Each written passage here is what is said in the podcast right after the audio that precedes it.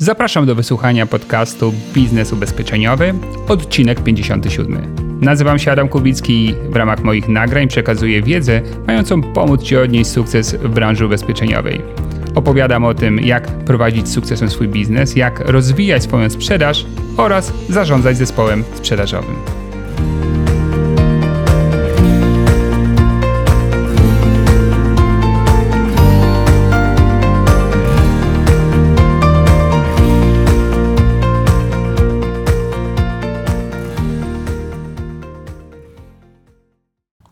Dzień dobry, witam Cię serdecznie w najnowszym odcinku podcastu Biznes Ubezpieczeniowy, w którym to odcinku zajmiemy się tematem obiekcji i zastrzeżeń klientów. Cieszę się w ogóle, że wreszcie znalazłem czas na to, żeby nagrać nowy odcinek, mimo tego, że jest y, pewnego rodzaju, myślę, jeszcze panika związana z koronawirusem, zwłaszcza w instytucjach i firmach. Mm, no, są projekty, którymi mogę się zajmować i z czego bardzo, bardzo, bardzo się cieszę.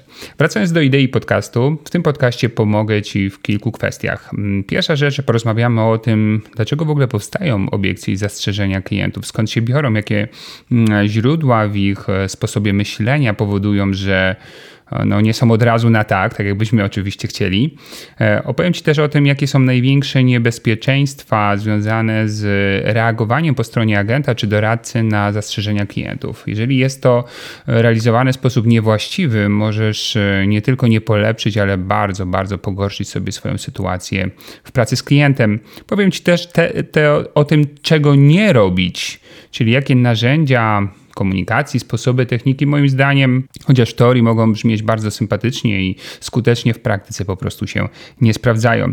No i na koniec opowiem Ci też o kilku metodach i technikach, e, które sam nazwijmy to szumnie z powodzeniem stosuję a, i które moim zdaniem pomagają nam przekonać oczywiście część klientów, dlatego że nie spotkałem jeszcze na swojej drodze takiego erudyty, przepraszam, czy e, osoby o nadzwyczajnej skuteczności, której udałoby się przekonać w swojej historii 100% osób, z którymi rozmawiała.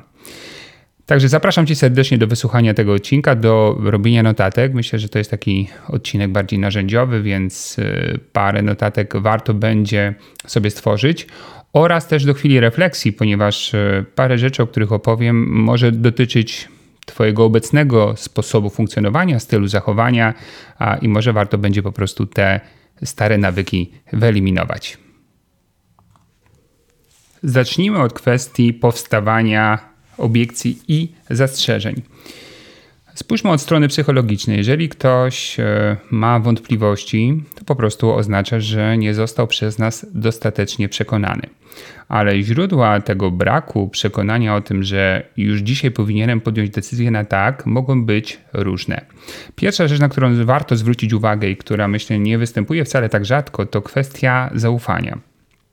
Ponieważ rozwiązania ubezpieczeniowe wymagają takiego poczucia, że osoba, z którą rozmawiam, jest bardziej doradcą niż sprzedawcą, to jeśli mm, nie do końca jestem w stanie jej zaufać, to trudno sobie wyobrazić sytuację, w której będę korzystał z rozwiązań, które mi proponuje. Brak zaufania.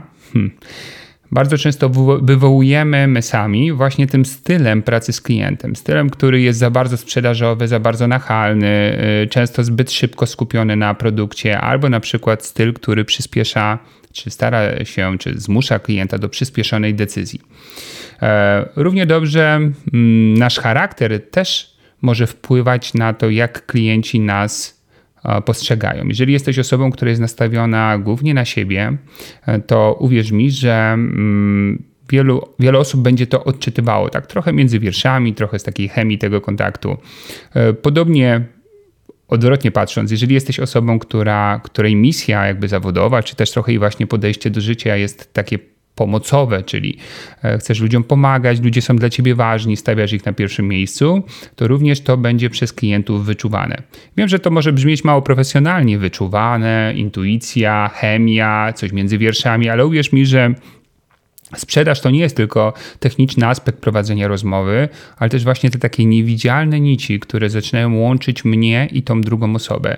Jeżeli nie potrafię usnąć jakby właśnie tego, mm, tego materiału, tej tkaniny relacji, to finalnie, mimo że technicznie mogą być perfekcyjne, znać dobrze rozwiązania, finalnie klient będzie miał mm, może nawet trochę tak właśnie podświadomie, emocjonalnie mm, takie obawy, czy takie poczucie, że jeszcze, jeszcze nie teraz, jeszcze nie dziś chciałbym podjąć tą decyzję, chciałbym jeszcze poczekać. Czyli tak, klient może nie ufać nam ze względu na to, jak z nim rozmawiamy, może nie ufać również branży, czyli mieć jakieś doświadczenia albo słyszeć o sytuacjach, w których na przykład e, po wypadku czy po jakiejś szkodzie mm, klient nie dostał odszkodowania. Może również mieć wątpliwości albo niechęć co do samej firmy ubezpieczeniowej, ponieważ jak wiesz, takie stereotypy, sposoby myślenia, e, które opierają się na jakichś historiach czy przykładach zasłyszanych, albo nawet i czasami kolory albo nazwy mogą powodować, że niektóre firmy nas bardziej przyciągają ich nazwy, a niektóre, a niektóre mniej. Ja pamiętam zawsze, kiedy weszła firma Osram na polski rynek, zawsze zastanawiałem się właśnie nad tym, widząc tą nazwę, kto y, i w jaki sposób przekonał jakby polskich marketingowców, żeby tą nazwę zostawić w niezmienionej e, formule. Oczywiście ta firma gdzieś tam już e, zagnieździła się na naszym rynku, myślę, że nawet z dobrą opinią. E, aczkolwiek no pytanie, gdyby mieli alternatywną nazwę na polski rynek od samego początku, czy, czy ten rynek nie byłby dla nich łatwiejszy, czy nie mieliby więcej zamówień.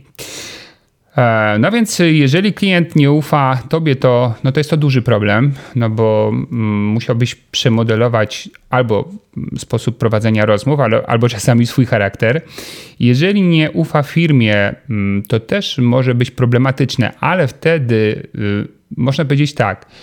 Jeżeli mm, co do samej firmy, którą reprezentujesz, klient miał pewne wątpliwości, to jeśli znowu ty nadrobisz te braki tej firmy, czyli pokaże się z tej najlepszej strony, to wydaje mi się, że ta e, wątpliwość i to te zastrzeżenia mogą być po prostu rozwiązane, czy niechęci. E, jeżeli klient ma mm, taki negatywny ogląd branży ubezpieczeniowej, ale jednak się spotkał, więc zakładam, że nie jest on aż skrajnie negatywny, to też myślę, że Twoja postawa może po prostu jakby zasłonić te dotychczasowe przekonania klienta. Czyli e, pierwsza kwestia, jak budzą się czy powstają e, wątpliwości i zastrzeżenia, jest związana z zaufaniem. E, druga rzecz, o której warto powiedzieć, to brak poczucia potrzeby ubezpieczenia się Czyli klienci chętnie wysłuchają, co mamy do powiedzenia, nawet gdzieś tam e, poddadzą się pewnym badaniom ich potrzeb, ale jeżeli tak naprawdę wewnętrznie nie będą czuli, że jest to dla nich ważne, że to jest im w życiu potrzebne, no to będą gdzieś zasłonowo właśnie mówili, muszę się zastanowić, muszę o tym pomyśleć, jeszcze przeczekać, poczekać i tak dalej. E, kiedy, klient, klient, kiedy klient zazwyczaj nie widzi potrzeby? Po pierwsze, kiedy ma już jakieś e, rozwiązanie ubezpieczeniowe na przykład i no i ma poczucie, że jest zabezpieczony. Czyli na przykład klient mówi, poważne choroby, tak, to ja mam taką ochronę w ramach mojego ubezpieczenia grupowego. Albo yy, wie pan co, no, a turystyczne ubezpieczenie, wie pan co, ale ja mam tą kartę międzynarodową, yy, gdzie mam yy, usługi w ramach Unii Europejskiej na przykład za darmo. Czyli można powiedzieć, że klient nie widzi potrzeby, bo albo już coś ma, albo, uwaga, druga rzecz, e, ma ciekawe przekonania dotyczące świata. Na przykład e, oszczędzanie na polisie nie ma sensu, lepiej oszczędzać e, na przykład inwestując w nieruchomości.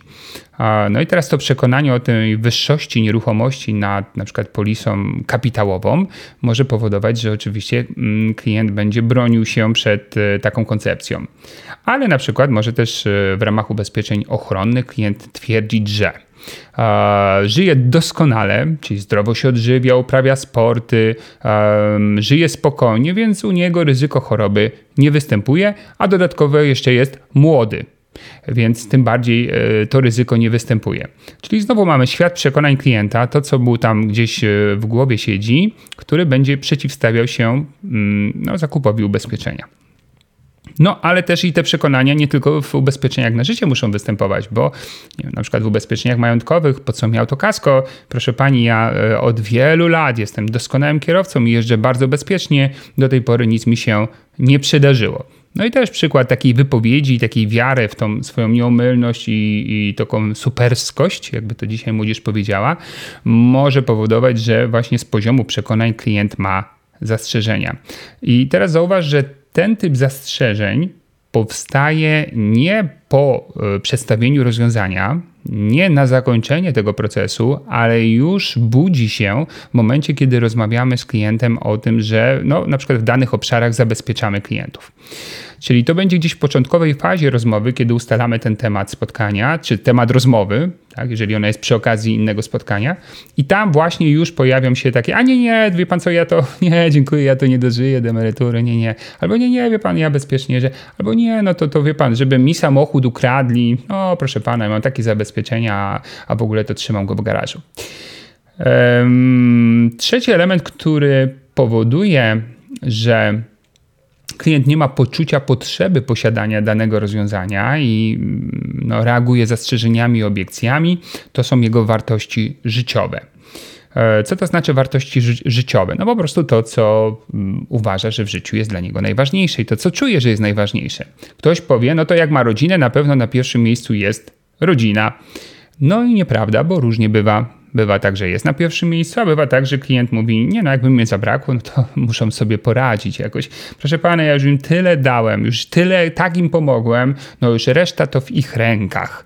Czyli to są takie hasła, które mm, dają mi szybki sygnał, że być może rodzina po prostu nie jest u tego klienta na pierwszym miejscu. Jeżeli jest tak w istocie, to nie ma sensu dalej drążyć tego tematu i trzeba przeskoczyć na takie elementy ochrony, które bardziej dotyczą jego osobistych potencjalnych realnych problemów.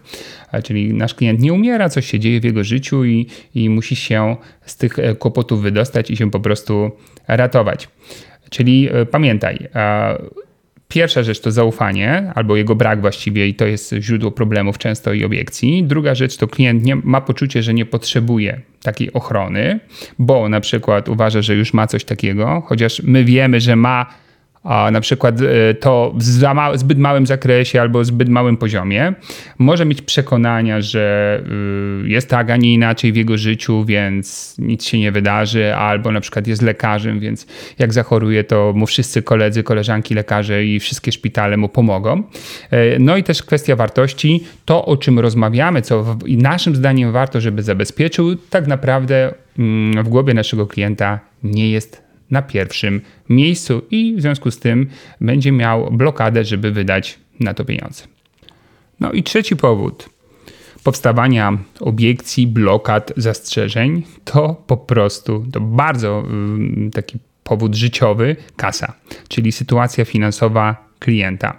Jeżeli mamy klienta, który dzisiaj podlega różnym stresom finansowym, czyli nie daje sobie rady w ramach no, takiej prostej proporcji to, ile zarabiam versus ile wydaję, to wszystkie dodatkowe rzeczy, na które będziemy go namawiali, a no, oczywiście w jego rozumieniu nie są potrzebą numer jeden, będą mm, jakby zderzały się z jego opor, oporem wewnętrznym i blokadą. Chociaż z jednej strony będzie czuł, że jest mu to potrzebne, żeby się przydało, no to z drugiej strony widząc kolejny koszt w swoim życiu, no po prostu będzie czuł mm, czysto emocjonalny tak naprawdę opór.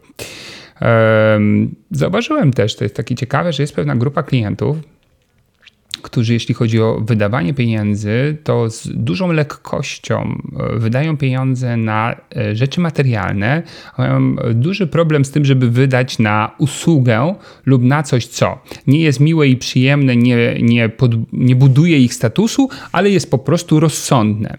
I e, zauważyłem, że część osób, na szczęście niewielka, ale jednak istnieje taka grupa, e, ma już pewną, może choroba psychiczna to za dużo powiedziane, ale mocne uwarunkowanie w tym, żeby wydawać pieniądze e, non-stop na coś, co jest tym takim, jak to mówią, klockiem, który nas otacza. Tak?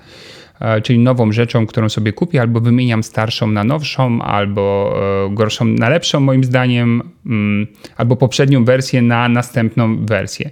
I faktycznie są ludzie, co potrafią kupić auto za y, naprawdę duże pieniądze, a jednocześnie minimalizować e, ubezpieczenie tego auta do czasami no, wręcz absurdalnych poziomów. Jeżeli mamy mm, jakby kontakt z taką osobą, która ma albo A, kłopoty finansowe, albo B, takie blokady finansowe, no to automatycznie jakby narażamy się na to, że po zbadaniu potrzeb, po przedstawieniu rozwiązania, ta osoba będzie uciekała w hasła typu to jeszcze chwila, muszę się zastanowić, jeszcze nie teraz, za miesiąc, za dwa, za trzy.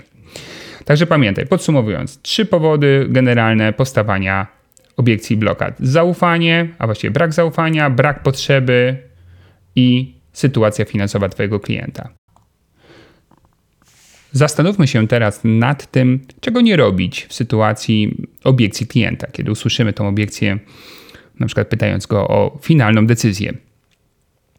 Pierwsza rzecz, przemyśl przez moment, jak reagujesz tak na co dzień, kiedy w zwykłej rozmowie mm, usłyszysz zdanie, z którym się nie zgadzasz.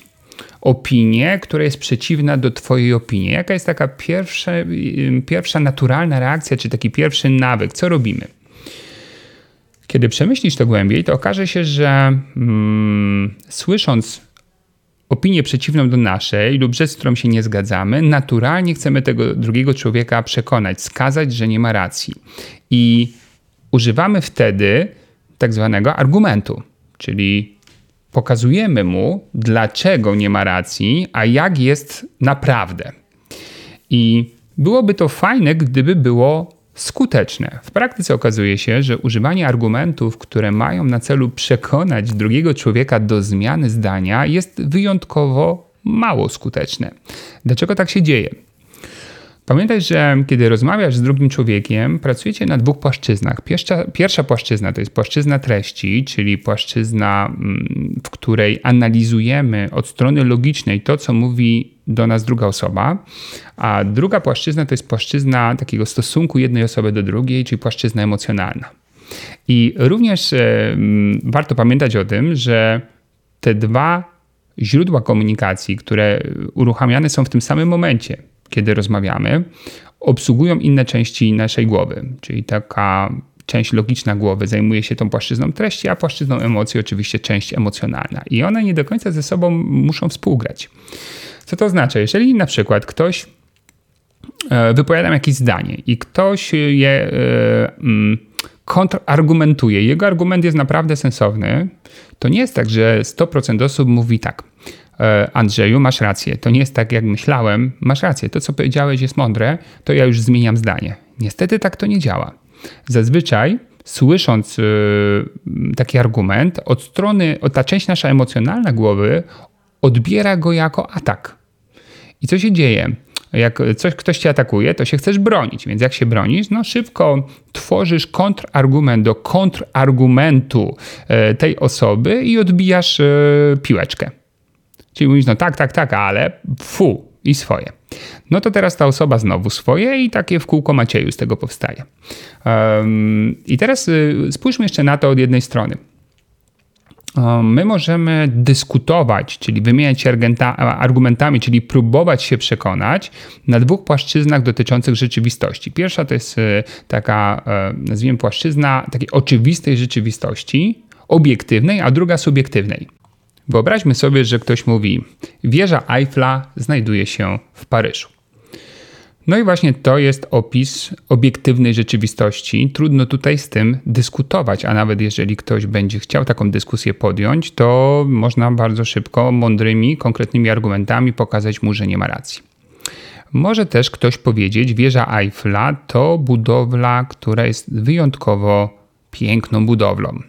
No i teraz tu opinie mogą być też różne. Może ktoś stwierdzić, tak, to naprawdę a, piękna rzecz. Ktoś może powiedzieć, y, przez nią Paryż jest dużo brzydszy, bo to jest y, brzydkie, metalowe i, i bezkształtne, czy tam właściwie jakiś ten kształt ma, ale powiedzmy, że ten kształt jest tej osobie niepasujący. I teraz kto z tych osób ma rację? No, moja racja jest racniejsza, jak to mówili kiedyś w pewnym filmie, i tak samo będzie tutaj. Każdy będzie miał argumenty na obronę swojego zdania, ale tak naprawdę nikt nie jest w stanie przekonać drugiej osoby, ponieważ um, to, o czym rozmawiają, jest subiektywne i nie ma takiego, nazwijmy w cudzysłowie, matematycznego dowodu, który mógłby pokazać, kto tą rację ma. W sferze sprzedaży ubezpieczeń mamy często sytuacje, w których właśnie rozmowa o tym, czy to jest klientowi potrzebne, czy nie, dotyczy nie obiektywnej, ale tej subiektywnej części naszej rzeczywistości. Czyli klient mówi, ja jeżdżę bezpiecznie, no my mówimy, ale wie pan, mogą inni być e, niebezpiecznymi kierowcami i tak mogą spowodować kolizję, na przykład, nie wiem, utratę pana pojazdu albo utratę zdrowia. Klient może się bronić, twierdzić, że jak widzi osobę, która jest lekkomyślna, to y, oddaje jej pierwszeństwo, nawet jeśli go nie ma. My możemy powiedzieć, że czasami może jechać zmęczony i tego nie zauważyć, i tak dalej, i tak dalej. Albo jeden klient twierdzi, inwestycja właśnie w nieruchomości jest świetna, my udowadniamy, że nie do końca, i tak naprawdę borykamy się z tym klientem, wchodzimy w niepotrzebną dyskusję, każdy ma swoje argumenty, i teraz pamiętaj. W sytuacji, kiedy wejdziesz w dyskusję, mm, jako sposób reagowania na zastrzeżenia i obiekcje klienta przegrasz w 99% przypadków. Wynika to z tego, że A, albo nie przekonasz tej osoby, bo po prostu jest to subiektywne, jak ona widzi świat i zawsze będzie miała argumenty na swoją obronę, albo B, udowodnisz jej, że masz rację i od strony płaszczyzny treści wygrałeś, ale od strony płaszczyzny emocji trudno powiedzieć, żeby powiększyła się chemia między wami i jeszcze bardziej ta osoba cię polubiła. A więc tutaj, niezależnie od tego, czy to będzie wygrana, czy przegrana na poziomie logiki, e, tak naprawdę zawsze mm, przegrywamy sprzedaż. E, albo prawie zawsze, bo powiedziałem 99% i właśnie ten 1% wyjątek od reguły, no bo jak to w życiu bywa, zawsze od reguły muszą być wyjątki. I ten wyjątek to jest sytuacja, w której masz klienta, z którym znasz się na przykład wiele lat, który y, szanuje cię jako doradcę w sprawach ubezpieczeń i tu mu po prostu konkretnie wykładasz, dlaczego powinien to zrobić, bo trochę w tej relacji jakby rządzisz i on się ciebie słucha, mimo że na początku miał jakieś obiekcje czy wątpliwości. I faktycznie w takiej sytuacji zauważam, że osoby, które y, po prostu mówią, panie Andrzeju, ja sobie nie wyobrażam, żeby pan tego nie miał. W ogóle przy takim koszcie, panie Andrzeju, proszę mi nie rozbawiać, a to jest po prostu panu bardzo potrzebne. I faktycznie bywa tak, że takie osoby właśnie z powodu tej relacji przekonują skutecznie klienta. Ale to jest tylko 1,1%. 99% to sytuacje, w których tych naszych argumentów y, powinniśmy unikać. Kiedy możesz zauważyć, że właśnie z Twoich ust ten argument pada. No na przykład y, takie początki zdania jak moim zdaniem, według mnie, Albo na przykład, co gorsza, no okej, okay, ma pan rację, ale. I po tym ale oczywiście nasz argument, albo no ma pan rację, jednak. I teraz mój argument, który ma pokazać mu, że, że racji nie miał, e, albo proszę pana, no wie pan co, ale jednak warto rozważyć, albo według mnie powinien pan. Wszystkie tego typu sformułowania, takie formy naciskowe, jeszcze z własnym argumentem, w większości przypadków będą od nas klienta odpychały. A więc po prostu pamiętaj, e, nie rób tego. Chociaż, jeszcze raz powtórzę, najczęściej będzie to właśnie pierwsza reakcja, i słowo reakcja jest istotne, bo to będzie po prostu nieprzemyślane, tylko będzie pierwsza reakcja, e, która e, no po prostu najczęściej pojawi się w Twoim sposobie komunikacji z klientem. A wynika to z tego, że z poziomu naszych nawyków prowadzenia rozmów trudno oddzielić sprzedaż od y, życia poza sprzedażą. I teraz, jeżeli jestem na spotkaniu towarzyskim i tam właśnie rozwijam się jako osoba, która przekonuje wszystkich argumentami, że ma rację, to w sytuacji, kiedy już taki nawyk u mnie powstał, no to w sprzedaży po prostu ten nawyk również y, chce zająć swoje miejsce właściwe i, i tą komunikacją rządzić. Co oznacza, że mm, aby zmienić taką sytuację, pierwszy krok do zwiększenia swojej skuteczności reagowania na obiekcje polega na tym, aby w sytuacji, kiedy rozmawiamy z klientem, być dużo bardziej czy mocniej skoncentrowaną osobą i trzymać rękę na pulsie i pilnować siebie samego przede wszystkim w tym, żeby nie palnąć jakiejś głupoty albo nie robić czegoś w niewłaściwy sposób. I to jest chyba największa trudność w sprzedaży, bo mamy oczywiście obsługę, gdzie to nie jest trudne, bo klient mówi, chce coś kupić, tego obsługujesz, ale sprzedaży, czyli w takim procesie przekonywania, że e, klient powinien coś zrobić, właśnie ta uważność i koncentracja na rozmowie jest bardzo, bardzo istotna. I wtedy czasami już tak, ja tak zauważałem, na usta mi się ten argument pchał, a ja mm, udało mi się go z powrotem połknąć, właśnie dlatego, że dzięki tej uważności sam siebie przypilnowałem. Także pamiętaj, czego nie robić. Przede wszystkim unikaj e, kontrargumentów na obiekcje klientów, a oczywiście mm, też opowiem Ci dzisiaj, co zamiast tego można robić, żeby być bardziej skutecznym w sprzedaży. W temacie obiekcji jest takie jedno bardzo ważne niebezpieczeństwo, o którym trzeba powiedzieć, i jest to tak zwana zasłona dymna. Co to jest zasłona dymna w kontekście obiekcji klientów? To jest obiekcja, która ładnie brzmi, ale nie jest prawdziwa. Oczywiście, ponieważ technicznie byłoby to trudne, nikt nie robi e, takich statystyk, ile obiekcji klientów, e, które słyszymy, jest e, prawdziwe.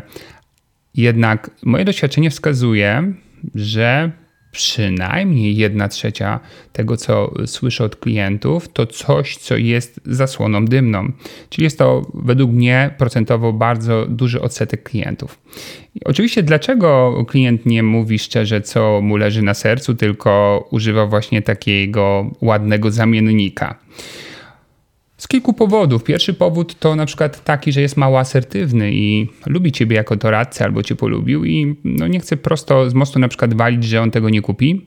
Więc e, jakby na finale tego waszego spotkania czy rozmowy e, mówi coś, co, co cię nie uraża. No, muszę to przemyśleć, zastanowić się. Panie Adamie, to jest doskonały pomysł, tylko jeszcze nie ten moment, e, ale tak naprawdę w środku myśli zupełnie inaczej. Myślę, że to przede wszystkim jest kwestia mm, właśnie tego problemu asertywności, że klienci bardzo często nie umieją wprost powiedzieć, jak jest, tylko właśnie stosują takie zamienniki. Dlaczego to jest niebezpieczne? E, to jest niebezpieczne przede wszystkim dlatego, że część doradców, agentów to wierzy i e, ustawia dalszy e, sposób postępowania z tym klientem, proces według tego, co usłyszeli od klienta. Czyli jeżeli na przykład klient mówi tak, nie pan mi da tydzień czasu, ja to przemyślę. E, trudno mi sobie uwierzyć, że e, uwierzyć taką sytuację, w której oczywiście znowu wyjątki od reguły są, ale w większości przypadków, tak, w której na przykład przez tydzień ten człowiek będzie, nie wiem, po pracy siadał godzinami e, nad biurkiem z dwoma kartkami, które mu zapisałeś i gorąco rozważał nie wiem jeszcze jakie aspekty, tak, jakieś tam aspekty tego ubezpieczenia. Przez cały dzielny tydzień będzie się zajmował rozważaniem, a może weźmie specjalnie urlop albo pójdzie na, nie wiem, na L4, żeby mieć ten czas, bo tydzień to tak mało czasu, żeby zastanowić się, czy kupić to ubezpieczenie, czy tego ubezpieczenia e, nie kupić.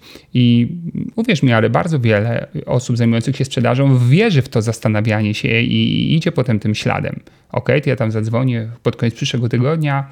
No i później się rozczarowują silnie, bo, bo klient na przykład nie odbiera telefonu, albo odbiera i mówi, że potrzebuje jeszcze trochę chwilę czasu, no to oni tam znowu mówią, do jasne, spoko, to jeszcze tam zadzwoni za tydzień i, i, i tak, no tak, taki taniec między nimi następuje, nie wiem, jak można byłoby pawi taniec, może tak powiedzieć, tak? Szamański taniec. E, każdy mm, udaje, że, że wierzy, że tu się coś dzieje, ale tak naprawdę jeden i drugi czuje, że to jest droga do, droga donikąd. Więc przede wszystkim tak, e, sygnał ostrzegawczy. Jakie e, wypowiedzi klientów, w sensie oczywiście obiekcji, mogą być zasłoną dymną i powinny wzbudzić naszą czujność? Pierwsza rzecz, no to król zasłon dymnych, to muszę to przemyśleć.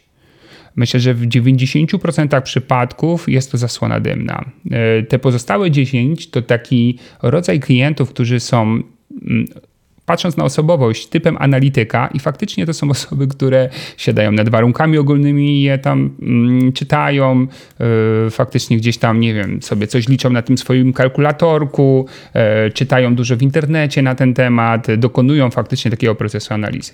Ale to też możesz łatwo rozpoznać, bo jeżeli to jest końcówka mm, pracy z klientem, albo to jest twój klient, którego znasz od lat i mówi, muszę to przemyśleć, no to wtedy zestawiasz to z jego osobowością. Jeżeli to jest ta osobowość analityka, to wiesz, muszę dać mu ten czas, on po prostu w ten sposób podejmuje decyzję. Jeżeli to jest osoba, która raczej z e, głęboką analizą nie ma wiele wspólnego, no to prawdopodobnie zasłona dymna. E, tak samo sprawdzenie u konkurencji, jak to jest u konkurencji i tak dalej, w wielu przypadkach już nie tak często jak w poprzednim przykładzie obiekcji, ale może być też formą zasłony e, dymnej. E, albo na przykład klient mówi, tak, po pierwsze chwali Twoje rozwiązanie, ty już się tam cieszysz, a potem mówi, wszystko jest ok, tylko teraz ja muszę poczekać. No i teraz on musi poczekać z różnych powodów. Nie wiem, na zmianę pracy na lepszą, żeby więcej zarabiać, e, na to, aż się teraz coś uspokoi, bo teraz coś w jego życiu jest niespokojnego i tak dalej, i tak dalej. I e, to poczekać aż, e, również moim zdaniem, w może nie 90, ale 80% jest formą zasłony dymnej. I teraz, jeżeli to zostawisz, to jakby nie pchasz tego procesu pracy z klientem do przodu. No oczywiście, możesz być taką osobą, która woli tak się pobawić, potańczyć i tak nie wiedzieć do końca na czym stoi i zawsze mieć tą nadzieję, że wcześniej czy później ten klient się e, sfinalizuje. Ja należę do tych osób, które mm, lubią wiedzieć konkretnie. I w momencie, kiedy doprowadzam do tego, że klient mówi konkretnie albo nie doprowadzam, ale tak naprawdę zdaję sobie sprawę, co oznaczają słowa klienta, to zamiast Mm, opierać na nim swoją wiarę w kontrakt, y, szukam szybko nowych rozwiązań, nowych klientów czy nowych sposobów osiągnięcia mojego celu czy dochodu. Jak poradzić sobie z zasłoną dymną? E, pierwsza rzecz, y, która, którą warto zrobić, to doprecyzowanie, czyli złapanie jakby odpowiedzi na pytanie, co pan, pani ma na myśli, mówiąc to czy tamto. Um, czyli na przykład klient mówi, muszę to przemyśleć i pytamy, a mówiąc muszę to przemyśleć, o co dokładnie panu chodzi, na czym to miałoby polegać. I teraz uwierz mi, że jeżeli to, co powiedział klient, jest zasłoną dymną, to zobaczysz, że kiedy próbujecie, ty próbujesz, żeby to doprecyzował, tak, sprowokować go do tego, on ma z tym problem. E, a mm, e, no wie pan, e, i w momencie, kiedy on właśnie dopiero teraz próbuje znaleźć definicję, o co mu chodziło, albo um, po prostu doprecyzować, czyli znaleźć jakieś konkrety w tym, co przed chwilą powiedział, i widzisz, że to jest dopiero w tej chwili tworzone, no to prawie 100% pewności, że to była zasłona dymna. No i jeżeli to dalej tak zostawisz, to oczywiście. Pff, niewiele to da. Czyli pierwsza rzecz, e, do, do, spróbuj doprecyzować to, co mówi klient i obserwuj jego reakcję. Czyli jeżeli klient mówi tak, proszę pana, e, no ja mam Chciałbym, y, żeby pan mi dał czas do wtorku, dlatego że będę miał jeszcze oferty z dwóch różnych firm i chcę sobie to porównać przede wszystkim na poziomie wysokości składki oraz zakresu e, takiego ubezpieczenia, e, ale też w poniedziałek będę wiedział e, ważną rzecz dotyczącą przyszłości e, mojej zawodowej i jeszcze będę bardziej świadomie mógł podjąć decyzję, na jakim poziomie składkowym wejść takie ubezpieczenie. Więc prosiłbym pana o e, telefon we wtorek o 9 rano i podam panu informację. No dobra, jak mi tak doprecyzował i to bez zająknięcia bum, bum, bum, bum, bum e, wypowiedział, no to jest duże prawdopodobieństwo, że że to ma sens i faktycznie ten klient w ten sposób będzie postępował. Ale jeżeli pojawi się, e, co miałem na myśli, e, no wie pan, no ogólnie chciałbym no, sprawdzić, jak to jest też na rynku, nie, nie chciałbym pochopnie podejmować decyzji. A co dokładnie chciał pan sprawdzić? No wie pan, no nie wiem, no jak, jak to jest w innych firmach, a w których, których by pan chciał sprawdzić? No nie wiem, jeszcze się nad tym nie zastanawiałem. Okay. no to tu gdzieś tam już oczywiście może pachnieć zasłoną dymną. I pamiętaj, zasłona dymna w, naprawdę to niebezpieczny moment e, pracy z klientem. Jeżeli tak to zostawisz, o, często zaprzepaścisz możliwość sprzedaży. No dobrze, a co zrobić dalej? Kiedy już doprecyzowaliśmy albo w, właściwie to klient miał doprecyzować, tak? Czyli sprowokowaliśmy go do doprecyzowania i coś tam klient wypowiedział. Jest jeszcze drugi krok, o którym warto pamiętać i który też nam uzmysłowi, czy mieliśmy do czynienia z zasłoną dymną, czy z prawdziwym problemem klienta i jest nim e, sprawdzenie, czy to jedyny powód. Ja o tym jedynym powodzie to już o latach szkoleń jakby moich e, cały czas rozmawiam z agentami o tym, ale uwierz mi, że w praktyce, kiedy pytam, ile osób spytałeś w tym tygodniu, czy to jest jedyny powód, to bardzo rzadko ktoś mówi, tak, spytałem. Czyli od poziomu wiedzy szkoleniowej wszyscy są tego świadomi, z poziomu praktyki bardzo mało osób z tego korzysta. E, na czym to polega? No jeżeli klient mówi, wie pan co, no, chciałbym jeszcze poczekać do końca miesiąca, bo mamy taką sytuację i fi, fi, fi, fi, fi coś tam opowiada, no to sobie gdzieś tam właśnie jeszcze zadaj to pytanie, no dobrze, a oprócz tego problemu, o którym pan mi powiedział, czy jeszcze coś powstrzymywałoby państwa przed podjęciem decyzji? Albo, a gdyby ten problem nie istniał, to czy, yy, to jaka byłaby dziś pana decyzja? Albo czy oprócz tego coś jeszcze? Yy, albo po prostu, czy to jest jedyny powód? I tego typu pytania powodują ci, pomagają ci poznać taki szerszy aspekt podstaw decyzji klienta. Co mam na myśli? Bo może być tak, że klient nie tylko chce na przykład sobie porównać z konkurencją, ale chce jeszcze poczekać jakiś czas, aż mu się coś tam, jakaś sytuacja finansowa uspokoi. Ja na razie się dowiedziałem od konkurencji i teraz jeżeli będę pracował nad tym, żeby wskazać, że moje rozwiązania są najlepsze, ale nie wiem o tym, że jeszcze klient ma inną blokadę, no to na końcu znowu się zdziwię i rozczaruję, jak po tym procesie porównywania klient powie, yy, pan jest numerem jeden, ale jeszcze poczekajmy do wiosny. No i wtedy do jakiej wiosny na przykład. Albo muszę porozmawiać jeszcze z partnerem, on musi jeszcze zaakceptować tak, taką decyzję zakupu. No mówię, fajnie, fajnie, no to tam się spotkajmy razem, podziałajmy. Jakby partner miał pytania, to ja chętnie na nie odpowiem, będę od razu na bieżąco. Umawiam się, jadę na drugie spotkanie i słyszę potem, jak już zainwestowałem tyle czasu w tą relację z nimi, że no to fajnie, jak teraz tylko ten partner znajdzie pracę, a ja e, zmienię moją na lepszą, to od razu z tego skorzystamy, będziemy, od razu do pana zadzwonimy. Nie? A kiedy to się stanie, któż to wie? Nie wiadomo. I teraz oczywiście to nie jest tak, że jak e, dowiedziałbyś się, że jeszcze nie mają pracy albo szukają lepszej, to byś w ogóle już tam nie pojechał. Ale po prostu chodzi o to, że jesteś bardziej świadom tego, z jaką e, sytuacją masz do czynienia i no właśnie, i, i potem co z tym zrobić dalej. E, czyli pamiętaj, jeżeli słyszysz e, zastrzeżenie klienta, i już zrobiłeś te dwa pierwsze kroki, czyli doprecyzowałeś i mm, spytałeś, czy to jest jedyna rzecz, która blokuje tą osobę, to po, po, potem w rozmowie z tą osobą ułóż proces. I teraz ten proces y, składa się z no, takich kroków, konkretnych kroków postępowania. Czyli tak, w takim razie, jakie działania będą teraz podjęte od tego momentu, skoro dzisiaj jeszcze tej, tego finału nie ma, to jakie działania będą podjęte, kiedy będą podjęte, czyli terminy, działania, terminy i e, w jaki sposób e, w ramach tych działań ja mam uczestniczyć, a ewentualnie kiedy kontaktujemy się, ale też w jaki sposób e, wchodzimy w ten kolejny nasz kontakt. Czyli te trzy kroki działania, terminy, sposób ponownego kontaktu to są trzy rzeczy do ustalenia z klientem. Chyba, że chcesz klienta jednak dzisiaj przekonać, pomóc mu już dzisiaj zmienić zdanie, no to wtedy trzeba zastosować pewną technikę, o której za chwilę Ci opowiem.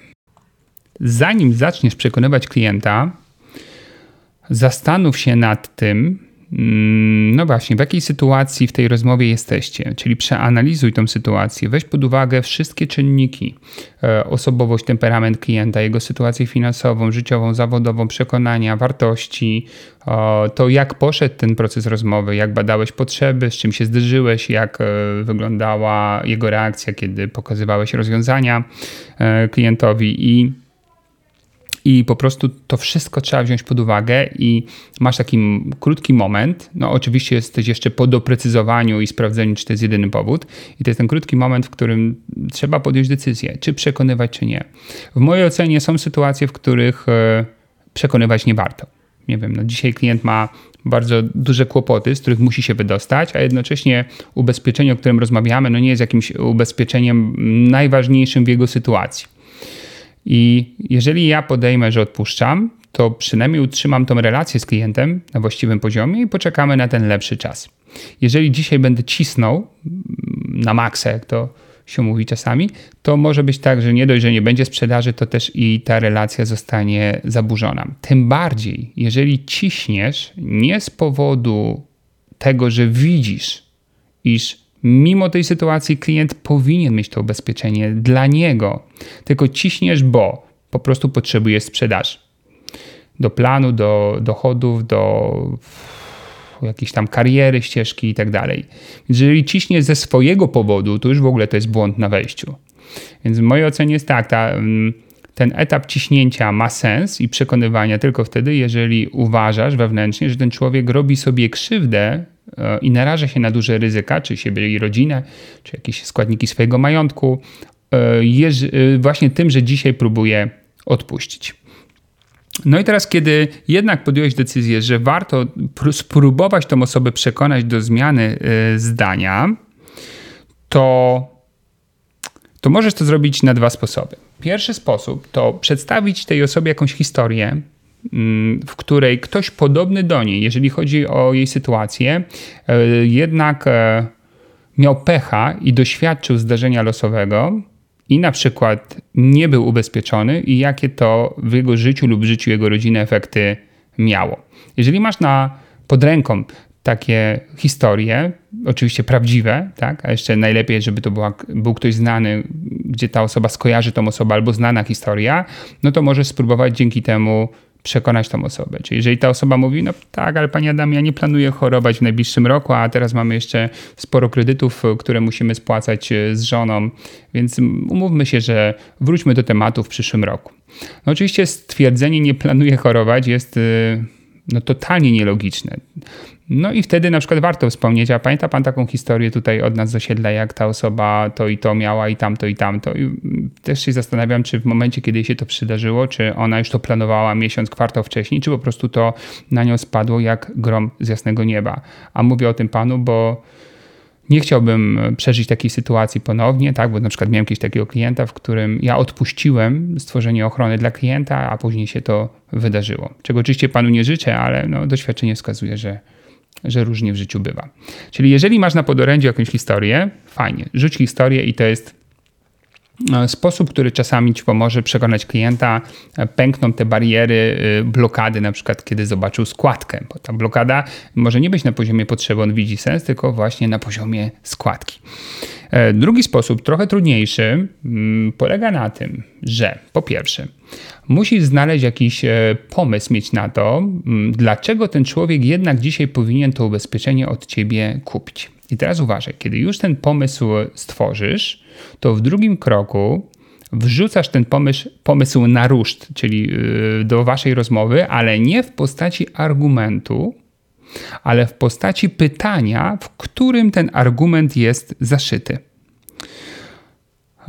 To jest spora sztuka, ale ten, kto nauczy się tej metody, no faktycznie ma szansę na to, żeby część klientów, którzy mają obiekcje, przekonać do tego, żeby już dziś zmienili zdanie. Dlaczego pytanie jest dużo lepsze od takiej formuły argumentu podanego w postaci zdania twierdzącego? E, pytanie zawsze daje władzę osobie, która ma na nie odpowiedzieć, bo ona może odpowiedzieć na różny sposób. A więc ta osoba nie czuje, że jest to próba przekonywania cudzym argumentem i próba zmiany e, zdania poprzez to, że wskazujemy, że jest głupia. Głupia oczywiście w cudzysłowie, czyli nie ma racji. Czyli cała, cały sukces polega na tym, aby nasz pomysł zaprezentować w postaci pytań, żeby tak naprawdę ta osoba mm, sama doszła do wniosku, że może być inaczej niż myślała do tej pory. I to zazwyczaj nie wystarczy użyć jednego pytania, tylko no to jest to pewnie czasami cała seria pytań. Załóżmy, że na przykład klient mówi: Proszę pana, moje nieruchomości zabezpieczają mnie na wypadek poważnej choroby, więc ja nie widzę sensu, żebym jeszcze dodatkowo tak wysoką składką się obciążał.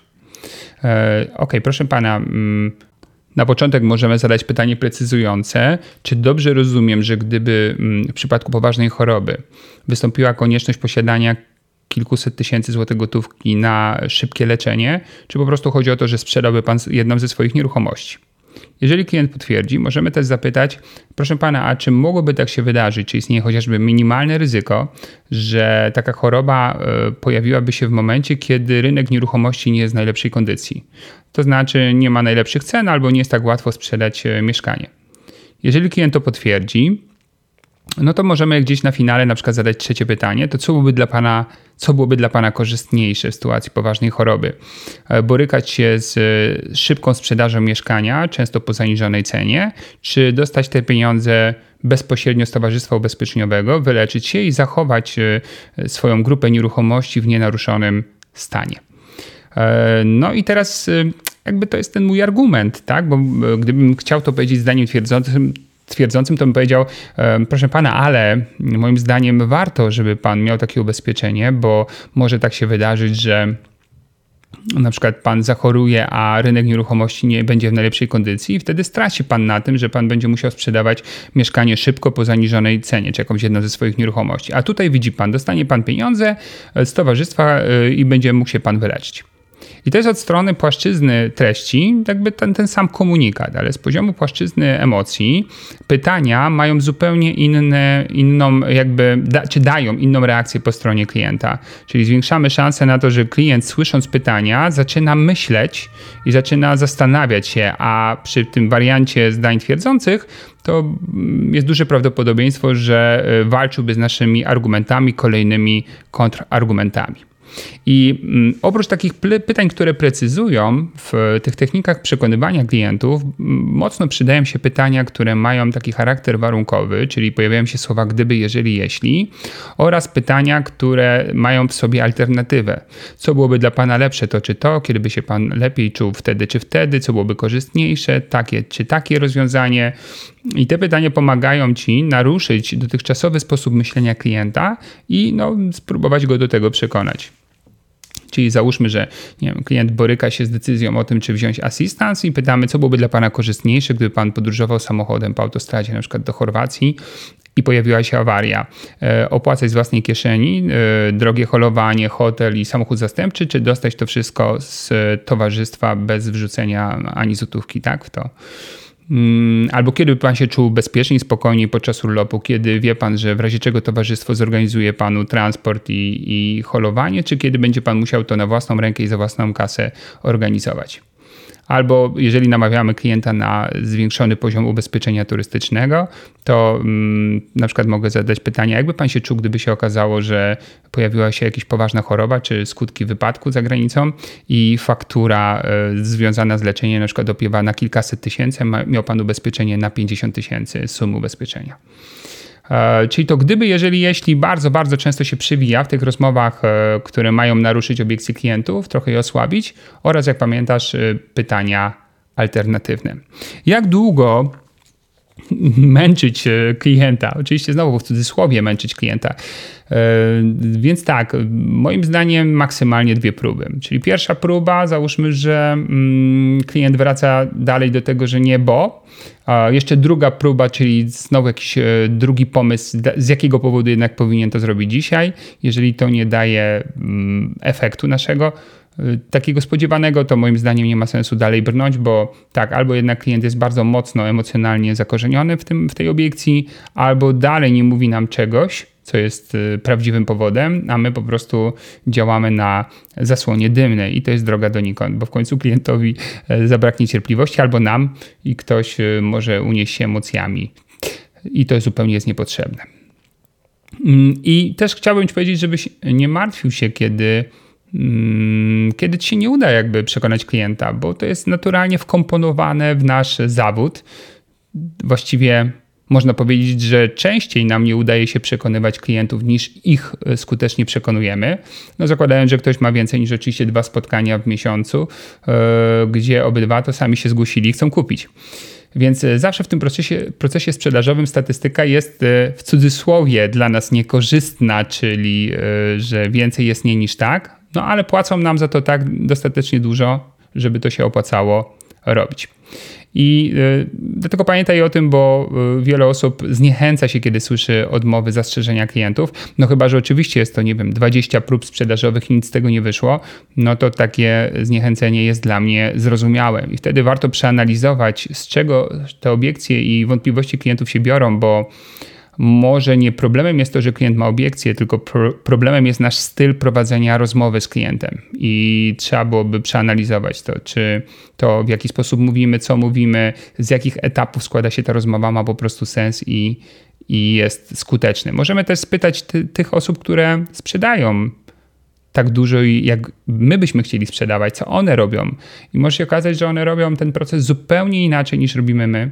Jeżeli oczywiście będą chciały się podzielić tą wiedzą, e, to ja uważam, że jest to doskonały pomysł. Mm, staram się zawsze czerpać wzorce z najlepszych w danej dziedzinie i nawet jeżeli e, jest to inaczej przez nich robione niż powiedzmy model teoretyczny by wskazywał, to idę za praktyką czego Ci również serdecznie, serdecznie życzę. Także nie zniechęcaj się, pracuj nad e, poprawą swoich umiejętności sprzedażowych, e, walcz o dobro klienta, przekonuj wtedy, kiedy to ma sens i zobaczysz, wszystko, wszystko będzie dobrze Ci się sprzedaży toczyło, czego Ci oczywiście serdecznie życzę i na dzisiaj to wszystko w tym odcinku. Dziękuję, że byłeś tyle czasu ze mną. Trzymam kciuki za sukcesy jak zwykle i do usłyszenia do następnego razu.